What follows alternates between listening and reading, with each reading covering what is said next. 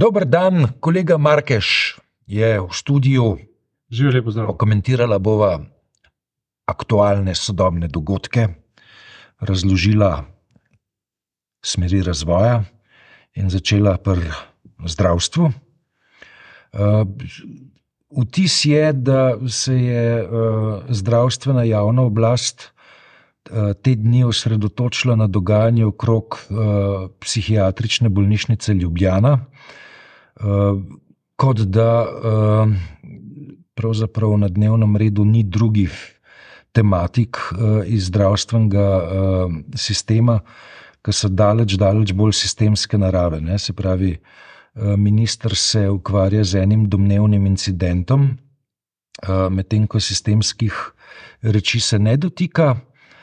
Ali pač pušča, da sistemske stvari gredo po neki svoje vrstni logiki same naprej, in bo potem to treba nekje čez čas pripoznati in legalizirati. Ja, to je mogoče ni dogajanje tedna, smo pa spet pristali pač v tem pristanišču, ker uh, smo se nekaj časa ukvarjali z muzejem osamosvojitve, z raznimi takimi in drugačnimi ideološkimi temami in tako naprej. Na koncu sem že kar nekaj časa spraševal, kdaj bomo spet prišli na rdečo nit in na bistvo vsega tega, kar pač ta koalicija pomeni, to je na zdravstvo, no pa smo spet prišli in začel se je z neko izredno hudo močno zahtevo, ki je padla kot kamen iz neba, pa kot strele z jasnega udarla. Uh, uh, se pravi, direktor Zalar psihiatrične klinike, ne, bojen za bojen za ne, naj odstopi. Ne. In, in, in sem rekel, v redu, naj odstopi, zakaj ne. In potem je zelo pozorno poskušal poslušati, kakšni so razlogi za to, da bi on odstopil. In um, uh, govorilo se o nekem nasilju, govorilo se o nekih posilstvih, Ampak mi do ene osnovne informacije nikoli nismo prišli kot javnost, kljub temu, da smo bili kot javnost nadlegovani za zahtevo, da naj odstopi, da mora odstopiti. Ne. To se mi zdi grozno, nenavadno in naj že kar v izhodišču povem, da ga a, gospoda Zalarja ne poznam. Ne vem, ali je dober, ali je manj dober, ali je mogoče celo slab, ali je strokovnjak, koliko je strokovnjak. Pač njegovi naslovi izkazujejo pač strokovnost, da je strokovnjak ali kar koli že. Ne. Ampak tisto, kar sem si rekel potem, ne, uh, kaj je pravzaprav ime te igre, kaj se dogaja. Ne. Seveda ta stvar potem šla v neki več smeri, na koncu pristane v, ne, v tisti skrajni nenavadnosti pač dejstva, ne, da je zahteva po saj strani ministra, govorimo zdaj, Bešič Loredana, ne, da zahteva ministra po odstopu uh, pač uh, dr. Zalarja, ne, prišla v trenutku, ko je on dobil zahtevo, da ne on sam odstopi. Ne. Skrajno nenavadno, se pravi, začneš pravičniško upiti, naj nekdo odstopi, potem ko ti rečeš, jaz pa ne bom odstopil, vse delamo dobro. In kaj je dobil v zameno? Zameno je dobil samo trditev Zalarja, ki je bila sicer bolj uljudna, oziroma bolj po Bontonu kot njegova lastna, ampak je rekel, ne bom odstopil, ne, uh, zaradi tega, ker mi morate najprej pokazati, kaj sem naredil na robe. Kaj delamo dobro, ne spet. Ja, ne, zdaj je dobro. Ne, jaz sem um, izjave profesorja dr. Zalarja pozorno poslušal. Uh, rekel bi, da je ob uh, pojasnjevanju uh, nekaj, nekaj težkih fopajev naredil ne, in je potem moral razlagati v dodatnih opombah pod črto, kaj je s pojasnilom sploh želel povedati, pa da ni, ni želel povedati tega, kakor se je razumel. Pač pa, ne, uh, ja, ali glede, glede tega fopaja, spet, mislim, za mene uh, ta uh, stalno um, vrelišče okrog politične korektnosti nervira. Po pravici povem, me nervira. Ne, zakaj? Spet ne vem, kaj je rekel na robe to, da se je narodno izrazil, jaz nisem slišal. Mislim, ne rečem, da ima prav spet, ampak to, da, ne, da, bi, da me nekdo poskuša zdaj podučiti in izpitati kot Purmana, da je on naredil eno tako nenormalno, zaradi tega bi on moral odstopiti, jaz tega spet nisem znal videti. Ne vem, ali sem mogoče prizadet v, v interpretacijah ali kaj, ampak on je preprosto povedal, včasih je prišlo uh, deset prijavljenih, bilo devet resničnih, danes pride deset prijavljenih, devet neresničnih. Ne? Mislim, zdaj pa tako. Ne? Ne, in, in potem ne, je kasneje pojasnil, da kontekst te trditve. Ja. ni bil um, dovolj dobro razumljen, oziroma ga ni za dosti dobro artikuliral. Kam smo prišli, da moramo razlagati, kaj smo mislili? Ne? V tem, ker nismo povedali nič tazga, kar bi lahko, mislim, jaz verjamem, da lahko nekdo tako in tako interpretira, ampak tukaj smo prišli v polje, mislim, ne vem, kam smo sicer prišli. Zdaj, uh, veš, uh, smo v neki ideologiji hiperkorektnosti, da ne rečem politične korektnosti. Ne? Mislim, če eden če nekdo pošteno hoče povedati to, kako vidi, je to pač njegova pravica. Ne? Zakaj bi jaz bil nekdo, ki bi sodel, da je on, da on stvar tako vidi? In, lej, zdaj mi dva sama padava na finto, po mojem, uh, ko uh, pravzaprav se ukvarjava z. Za moje pojme, nesistemskim, perifernim problemom slovenskega zdravstva. Ne? Ja, o tem se pač pogovarjamo. Ja, tisto, kar je, ne, kar pa je na mizi, uh, je pa dejstvo, ne, da ne glede na to, ne, da se je v zdravstveni sistem v uh, COVID-nam in post-COVID-nam času z veliko lopato metal uh, dodatne finančne vire, se čakalne vrste podaljšujejo. In ne, da je znotraj zdravstvenega sistema ta dodatni denar bil pravzaprav uporabljen za, um, za zdravstvene intervencije, uh, ki um, so enostavnejše, dobro plačane in predvsem uh, z, z vidika uh, človeškega, človekovega zdravja, manj nujne. Medtem ko uh, zadeve, ki so nujne, ne, uh, pa uh, se uh, po, po kazalcih čakalnih dob. Drastično poslabšujejo. Kar se mene tiče, ne, je to uh, Ne, veš, da um, rešiš, rešiš finančni problem, vsaj do neke mere slovenskega zdravstva, in je učinek ta, da se čakalne dobe zaradi dodatnega denarja podaljšujejo. Uh, absoluten paradoks uh, sodobne uh, politične realnosti. Ja, to je, to je drugi del tega problema, o katerem se pač pogovarjamo. Namreč uh, problem samega ministra Loredana ne, in pa če so na eni strani poantirali politično korektnost, ne, ki včasih meji že na, na neko obrobnost, ki, ki je že škodljiva. Se pravi, ko se ljudje niti izražati več ne smejo svobodno, zaradi ker so stalno pod nadjazovskim pritiskom uh, nekih očitkov. Ne. Imamo na drugi strani eklatantno izigravanje resnice, ne, in potem pa pravne države in demokratičnih merili neke spodobnosti. Ne. Se pravi, mi imamo uh, zagotovila ministra Loredana pred, izpred enega leta, da, bo pač, da bodo čakalne vrste se skrajšale, da se bodo v kratkem času prepolovile, da bo problem rešen, da bo storjen stresni test in na podlagi tega stresnega testa se bo pokazalo. Stresni test je po enem letu pokazal, da ne deluje, da so se čakalne vrste podaljšale, ne skrajšale, ampak podaljšale in da se je v bistvu invazija zasebniških apetitov v javno zdravstvo povečala, ne pomanjšala. Ja, namreč, ker m, okoliščina ne, tega stresnega testa ne, ja. je, da ima v sistem več denarja, potem pa pogledamo, kako se obnaša. Ja. In smo videli zdaj. In smo videli. In ne, kaj se zgodi? Daš, on, daš več denarja v sistem, in je problem večji. In kaj on reče, ne bom odstopil, delam dobro. Ne? Potem, ja. ko ga kom, najbolj kompetentna možna civilna družba v, v dveh, zdaj že v tem topiki združenih, to se pravi um, uh, glasoljudstva in pa 8. marca, to se pravi, jih rečemo temu, da sta to reprezentativna elementa civilne družbe, pozovete k odstopu. Ne?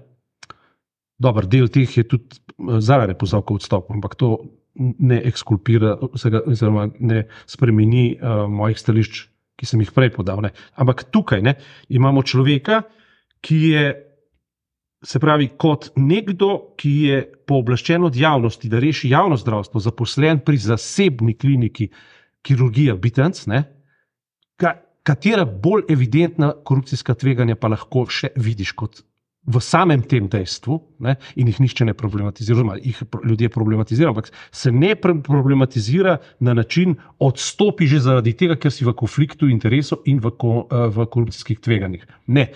Na drugi strani ne, imaš pa v bistvu nek incident, ne, ki izvablja iz ljudi vesoljske izjave, da ne rečem skoraj da histerične izjave o tem, da svet propada. Se pravi, to, to, to upije v nebo, ne, ta razkorak. In hkrati ne, smo pristali pri esenci političnega problema, kot smo ga definirali, tega pa nam nihče ne bo mogoče, da nismo že na samem začetku povedali, da gre pri sanaciji zdravstva, javnega zdravstvenega sistema in vprašanje javnega zdravstvenega sistema za kondicijo sine qua non te koalicije in pa slovenske demokracije kot uh, ustavnega sistema. Okay. Greva k izjavi um, kirurga dr. Erika Brecla, ki je uh, ob teh incidentih, ki se zdaj le um, po mizi prekladajo. Rekl nekako tako, ne bom citiral dobesedno, ampak po smislu, ne, da uh, pravzaprav ne razume, ali gre tukaj za reševanje problema psihiatrije ali gre za reševanje problema ministra eh, Bešiča Loredana. Ja, to je natanko poanta tega, kar sem tudi jaz hotel povedati. To ne, mislim, me je presenetilo in recimo temu pozitivno presenetilo, ne, doktor Breca, ne, uh, ki izkazuje vedno pač tako včasih tako ambivalentno se postavim, ampak uh, vedno nekako poskuša zbuditi vtis, da hoče biti pošten do do same teme, ki jo obravnava. Ne, jaz mislim, da veš, tudi, tudi um, um, neka osnovna orientacija pri, pri um, Eriku Breclu je ne, pač javno zdravstvo. Ne? Ja, javno zdravstvo. Ja, sam spomnim se. Tukaj, tukaj, mislim, da, tukaj mislim, da ni harmoniziran um, v, v svojem bistvu z um, prakso. Uh, ministra za zdravje. Ja, jaz dobro. To, recimo, da smo pač v svobodi izražanja in tako naprej, ne, če se pogovarjamo o tem, ampak recimo nekako intuitivno, na podlagi tega, kar, kar slišim, ne, bi rekel, da korupcijska tveganja pri dr. Breclu nekako niso, niso tako imanentna, niso tako, kako bi rekel, prva stvar, na katero pomisliš. Medtem ko pri uh, ministru ne, uh, je pa korupcijsko tveganje ugrajeno že v sam status, ki ga zaseda, da ne rečem v način obnašanja. Imam vtis, ne, da se on obnaša kot kukaviče jajce. V čem je problem? Poglej, on počne, kar počne in počne strašljive stvari in za demokracijo, in za javno zdravstvo. Ne, na to upozorja seveda tudi glas ljudstva.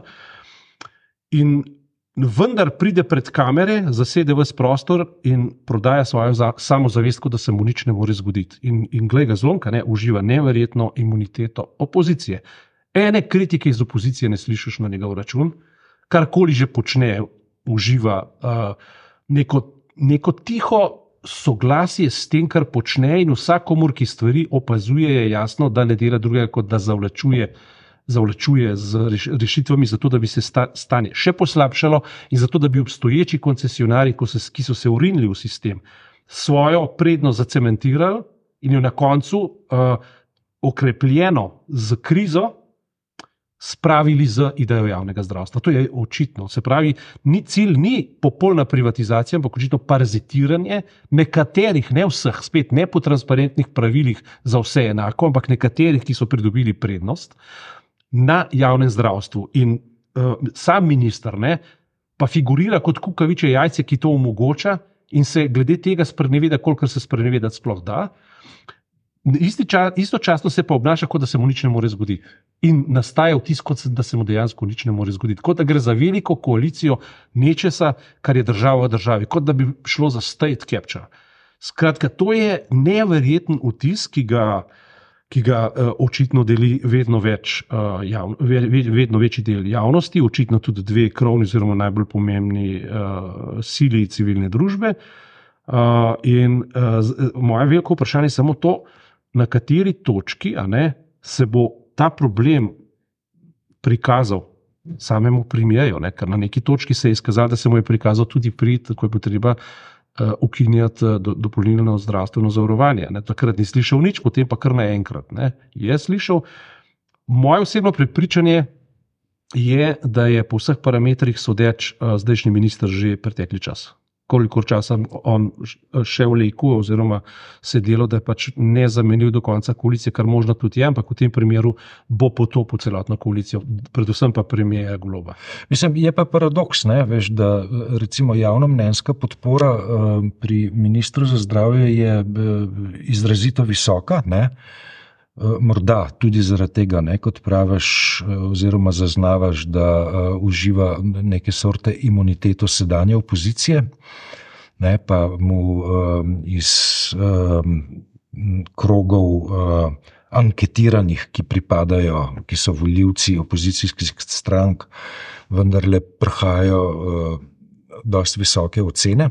Ampak, lej, Greznica ga ne šmira, če rečemo v lepi ja. slovenščini. Ne? Ampak še nekaj treba povedati, kar se tiče jav, javnih anket. Ne, uh, jim ne jemljem pomen, ampak so pa mnogo krat zelo, zelo ambivalentne. To so oba ja. dva. Recimo, da imaš ti SDS z, z relativno visokim odstotkom uživanja podpore, eh, njen predsednik, ki je pa sinonim za to isto stranko, pa polman. Naprimer, ja. ne. Okay. ne gre skupaj. Ne. Prej, si, prej si tako dvoumno pohvalil um, Erika Brecla, ne, češ, ja. da uh, ne predstavlja imanentnih korupcijskih tveganj. Ja. Osebno ne bi tako rekel, ne, da so kakšne točke, ko se z njim ne strinjam, zagotovo. Ne, ja. Brecel uh, predstavlja um, tisti element v javnem zdravju, zdravstvu, po mojem mnenju, ki um, korupcijo temeljito zmanjšuje. Ne. On je vendarle, ne, uh, po mojem prepričanju, uh, neka vest zdravništva, ki um, zadnje desetletje, pa pol, če ne več, opozarja na zlasti finančne deviacije. Lej, v življenju sem se naučil, da nihče ni brezmadežen, brezmadežen večno. In ko pridejo priložnosti, pridejo tudi priložnosti za ne biti to, kar si. Ne?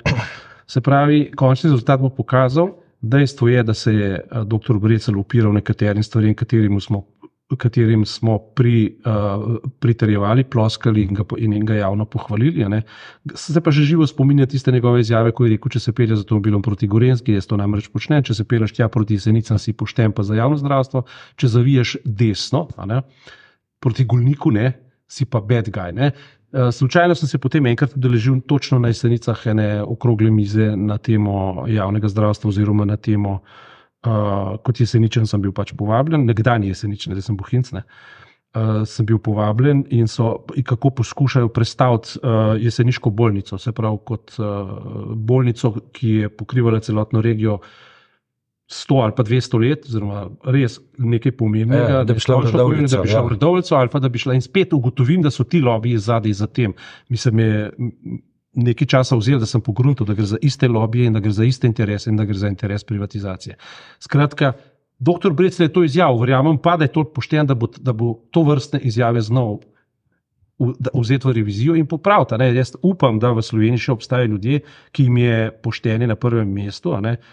Včasih je boleče govoriti o nekaterih, stvar, o nekaterih stvarih, naprimer, uh, na, naprimer tudi o ljudih, ki, o ljudih, ki jih poznaš. Ne se jaz konc koncev.